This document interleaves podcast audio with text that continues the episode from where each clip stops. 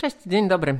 Tadej Pogaczar w imponującym stylu wygrywa męski wyścig Strade z kolei w kobiecym wyścigu Strade wygrywa Lotte Kopecky i bądźmy uczciwi, wyścig kobiet był dużo ciekawszy niż wyścig mężczyzn, natomiast wyścig mężczyzn był czymś bezprecedensowym.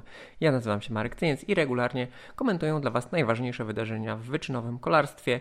Strade Bianche to jest najważniejsze wydarzenie w wyczynowym kolarstwie początku marca. Myślę, że realnie przyćmiewa w tym momencie hypem, który jest wokół tego wyścigu, nawet Paryż-Nica, który zaczyna się już w niedzielę.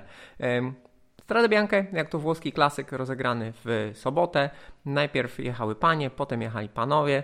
E, spełniło się jedno z marzeń fanów, czyli mieszana pogoda, trochę mokrych szutrów, to miało dodać um, pikanterii i smaku. Um, nie zraziło kibiców i to jest pierwsza rzecz, od której zacznę. To było e, znakomite oglądać takie tłumy kibiców i to pokazuje jak prestiżowy, jak e, wyczekiwany jest ten wyścig, bo naprawdę na początku marca przy e, szutrowych drogach w Toskanii ustawiły, ustawiły się prawdziwe tłumy, no, niczym, niczym na baskijskich etapach Tour de France to było imponujące. To było imponujące. E, no, atmosfera rewelacyjna. Sporo polskich kibiców wiem, że tam się wybrało. Niektórzy pojeździć, oprócz tego, że kibicować, to jeszcze pojeździć po, po szutrowych toskańskich drogach. No i wygląda na to, że Strade Bianca jest po prostu marką produktem e, prestiżowym, premium, e, pożądanym. Rewelacyjna sprawa, naprawdę w wyczynowym sporcie jest to historia sukcesu. Zanim przejdę do Pogaczara, to muszę powiedzieć o wyścigu kobiet. Tak, oglądajcie kolarstwo kobiet, oglądajcie kolarstwo szosowe kobiet, bo e, jest ono naprawdę ekscytujące. E, w, oczywiście no, mamy tę dominującą, ekstremalnie mocną e, pod różnymi względami sportowym, sprzętowym, finansowym drużynę SD Works, która ma największe gwiazdy w składzie. E, no i właśnie zawodniczki SD Works e, siłą drużyny i siłą swoich najlepszych zawodniczek e, ograły swoje rywalki. Natomiast mogliśmy oglądać faktycznie taką klasyczną jazdę z mocną drużyną i z indywidualnymi silnymi zawodniczkami, które próbują się temu przeciwstawić. I to była fajna lekcja kolarstwa, to było fajne kolarstwo do oglądania, ofensywne, taktyczne. Koniec końców, po wielu atakach e, Lotte Kopeki odjechała, naprzemiennych atakach Kopeki i Demi Wollering, Kopeki odjechała z Elizą Longoborghini i pokonała ją na ostatnim podjeździe prowadzącym do rynku w Sienie, do Piazza del Campo. Zwyciężyła, a o trzecie miejsce z kolei Katarzynę nie wiadomo pokazała, pokonała Demi Wollering. Demi Wollering, która prawdopodobnie no, jest najlepiej podjeżdżającą i chyba najlepszą w tym momencie y, zawodniczką, przynajmniej w takim trudnym terenie, ale była trzecia. Y, co jest ważne, to naprawdę Katarzyna Niewiadoma pojechała znakomity wyścig. I to nie chodzi o to, żeby się skupiać na tym wyniku, bo jest Polką. Ja szczerze mówiąc, no, mnie to troszkę mierzi, e, kiedy wypatrujemy Polaków e, tylko po to, że są Polakami, tylko dlatego, że są Polakami i ekscytujemy się tym, że dadzą jedną, dwie, trzy zmiany, e, popracują dla kogoś. Okej, okay, tak, super, doceniam, jest na to miejsce. Natomiast w tym wypadku o Katarzynie Niewiadomej chcę powiedzieć nie dlatego, że jest Polką i jej kibicujemy z oczywistych względów, ale dlatego, że mm, no jest jedną z tych topowych zawodniczek i odegrała bardzo ważną rolę w tym wyścigu, choć została pokonana przez e, zawodniczkę SD Works. Ona bardzo pilnowała Wollering e, w tych decydujących fazach wyścigu, e, jakby ścigała ją w zasadzie, kontrowała i, i co jest ważne z perspektywy całego sezonu i, i, i rozwoju kariery niewiadomej, choć przegrała, a miewała lepsze wyniki na Strade Bianche, to utrzymała, utrzymała y, Wollering w kluczowych momentach. No właśnie, drużynowo przegrała z ekipą SD Works, akurat Longoborghini pojechała z Ekopeki, tak to się ułożyło. Ale naprawdę super, super forma Katarzyny Niewiadomej. Wyścig ułożył się tak, że nie stanęła na, na podium, ale to było y, koniec końców y, znakomite. No, tym, tym bardziej wzruszenie, złość i łzy na mecie są uzasadnione, bo myślę, że sama wie, że pojechała świetnie. To jest sport, to jest kolarstwo i to nie jest w tym wypadku frazes i truizm. E, po prostu tak się to wszystko ułożyło. Świetny wyścig, czapki z głów. A teraz, moi drodzy, proszę Państwa, wyścig mężczyzn i 80-kilometrowa jazda na solo Tadeja Pogaczara. Tadej Pogaczar nie pobił średniej, najwyższej średniej prędkości w tym wyścigu. E, zanotował drugi rezultat 40,3 km na godzinę. E, szybszy był zeszłoroczny wyścig. E, natomiast tutaj to jest dzisiejsze Strade Bianche, e, dzisiejsza wygrana Tadeja Pogaczara to jest ten dzień w wyczynowym sporcie, kiedy wiemy, że oglądamy coś wyjątkowego, i tak naprawdę nie wiemy, jak to skomentować. Oczywiście można przyjąć e, tę narrację oficjalną i ekscytować się czymś, co było bez precedensu. Mm, naprawdę 80-kilometrowa jazda na solo w tak trudnym terenie, na tak trudnym wyścigu, wyścigu, który już jest długi, bo ma 215 km, Strade zostało w tym roku wydłużone o 30 km, mm, a mimo to Pogaczar pojechał tak jak dwa lata temu, kiedy również ten wyścig wygrał, zaatakował w zasadzie w tym samym miejscu, na tym odcinku Świętej Marii, na najdłuższym, najbardziej selektywnym, najtrudniejszym e, odcinku zaatakował, został, jego atak został przygotowany pracą drużyny, szczególnie Tima Welensa.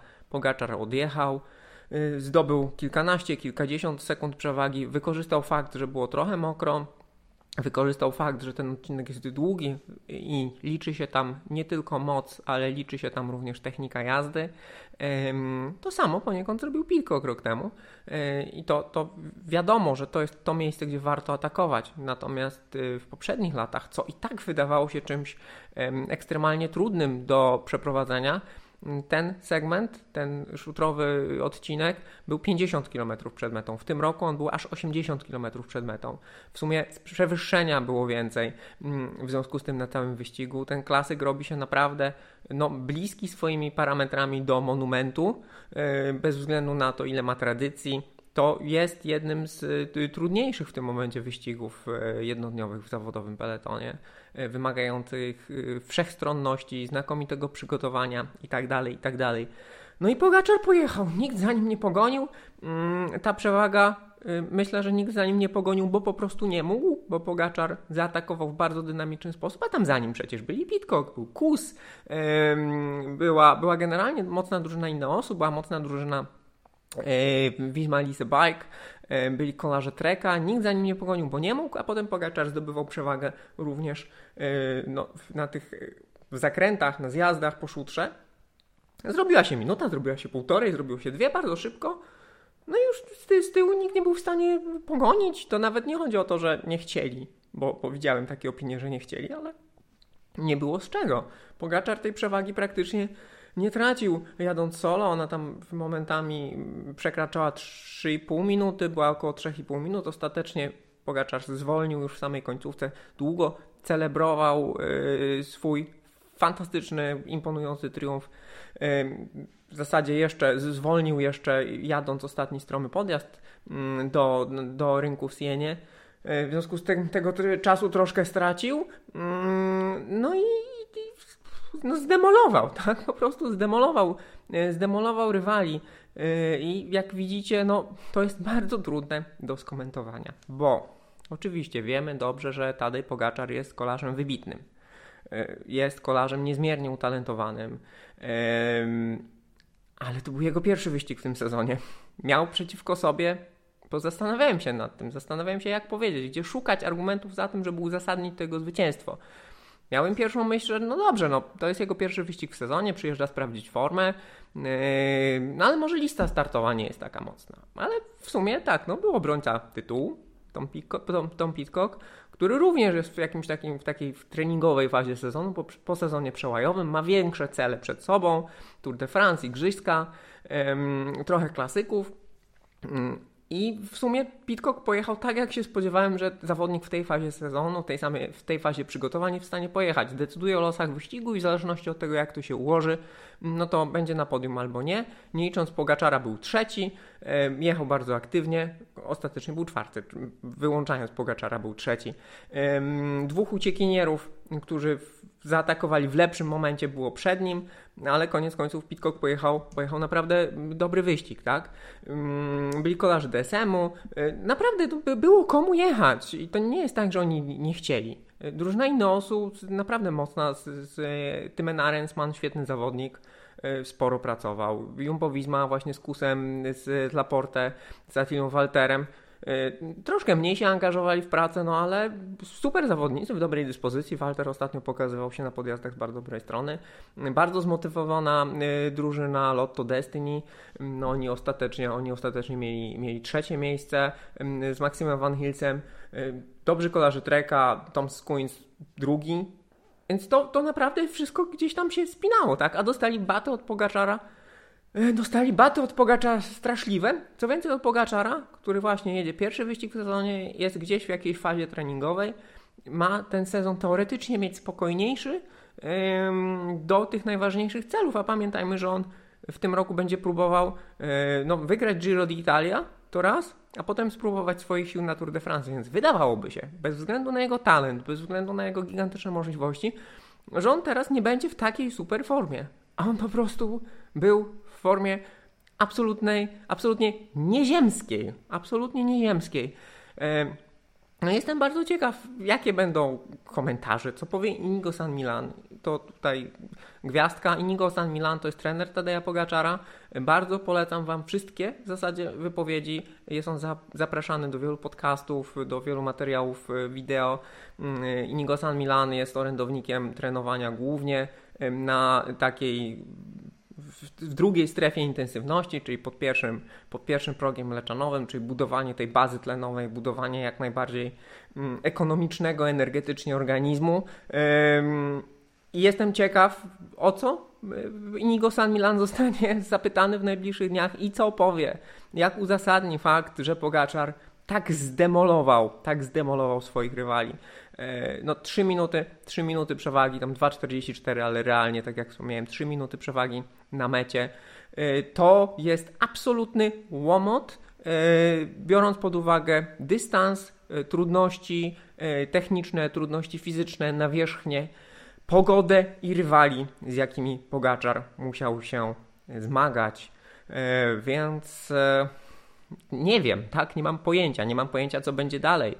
E, znów, poza wszystkimi innymi pytaniami, należy się zastanawiać, czy Pogaczar nie jest w tak wysokiej formie za wcześnie. A jeżeli to nie jest jeszcze jego wysoka forma, no bo nie może być, to cóż wydarzy się później? Cóż wydarzy się podczas mm, klasyków w Ardenach, podczas Mediolan Sanremo, podczas Giro d'Italia i podczas Tour de France? To jest coś, co jest trudno ogarnąć, co jest trudno uargumentować i coś, to jest coś, co jest trudno wytłumaczyć, bo Tadej Pogaczar absolutnie zdemolował no, najlepszych kolarzy świata. Oczywiście można mówić, że tutaj nie było Winegora, ale Winegor nie jest kolarzem klasycznym, nie było Roglicza, e, nie było Evenpula, ale jeżeli ktoś ma wygrywać wyścigi klasyczne, górzyste w takim terenie, Cosnefroy, e, Mohoric, Formolo, w znakomitej formie Leny Martinez. Oczywiście można mówić, że Leny Martinez jest młody. Swoją drogą drużyna grupamy też jechała bardzo dobrze i bardzo aktywnie.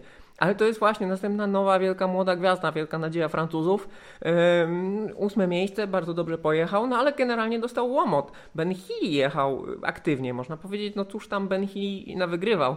Ale to jest następny wielki talent, który pokazał się znakomicie podczas zeszłego Giro d'Italia super, super zawodnik. No i jakby ta strata, którą oni wszyscy dostali i łomot, jaki dostali od Pogaczara, jest trudny do zrozumienia, trudny do wytłumaczenia. Oczywiście gdzieś możecie wnioskować, że w tej mojej wypowiedzi jest gdzieś w podtekście, a że doping, tak? Ja nie chcę tego mówić, bo nie ma za tym jakby przesłanek poza performancem performancem Pogaczara. I pamiętajcie, wyjątkowy, tak jakby ekstremalnie, yy, tak ekstremalna przewaga i tak wyjątkowy performance nie oznacza wprost, że zawodnik bierze doping, tak jak słaby performance nie oznacza, że zawodnik yy, jest yy, czysty, bo to może być różnie.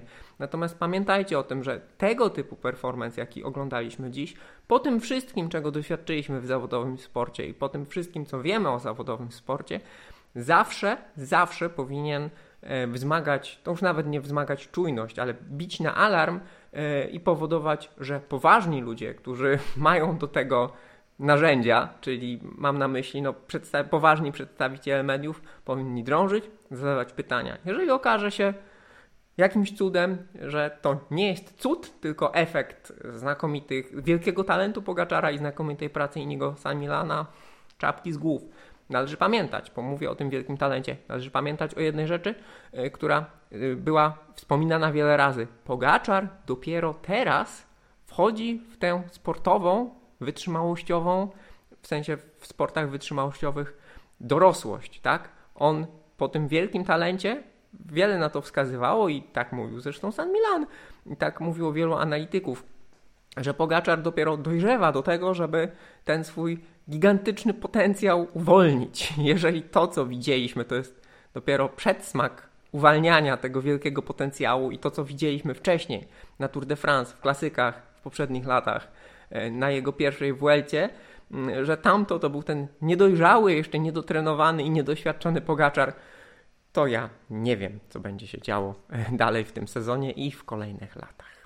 Także moi drodzy, to by było na tyle. Jestem bardzo ciekaw Waszego zdania na temat e, tej jazdy Tadeja Pogaczara i tego, czego spodziewacie się po nim w najbliższych tygodniach, miesiącach i latach. E, no, od niedzieli Paryż-Nicea, potem Tirone Adriatico, Mediolan Sanremo i łomatko, cóż tu się będzie działo. Dzięki wielki, dzięki wielkie, do zobaczenia, do usłyszenia, cześć.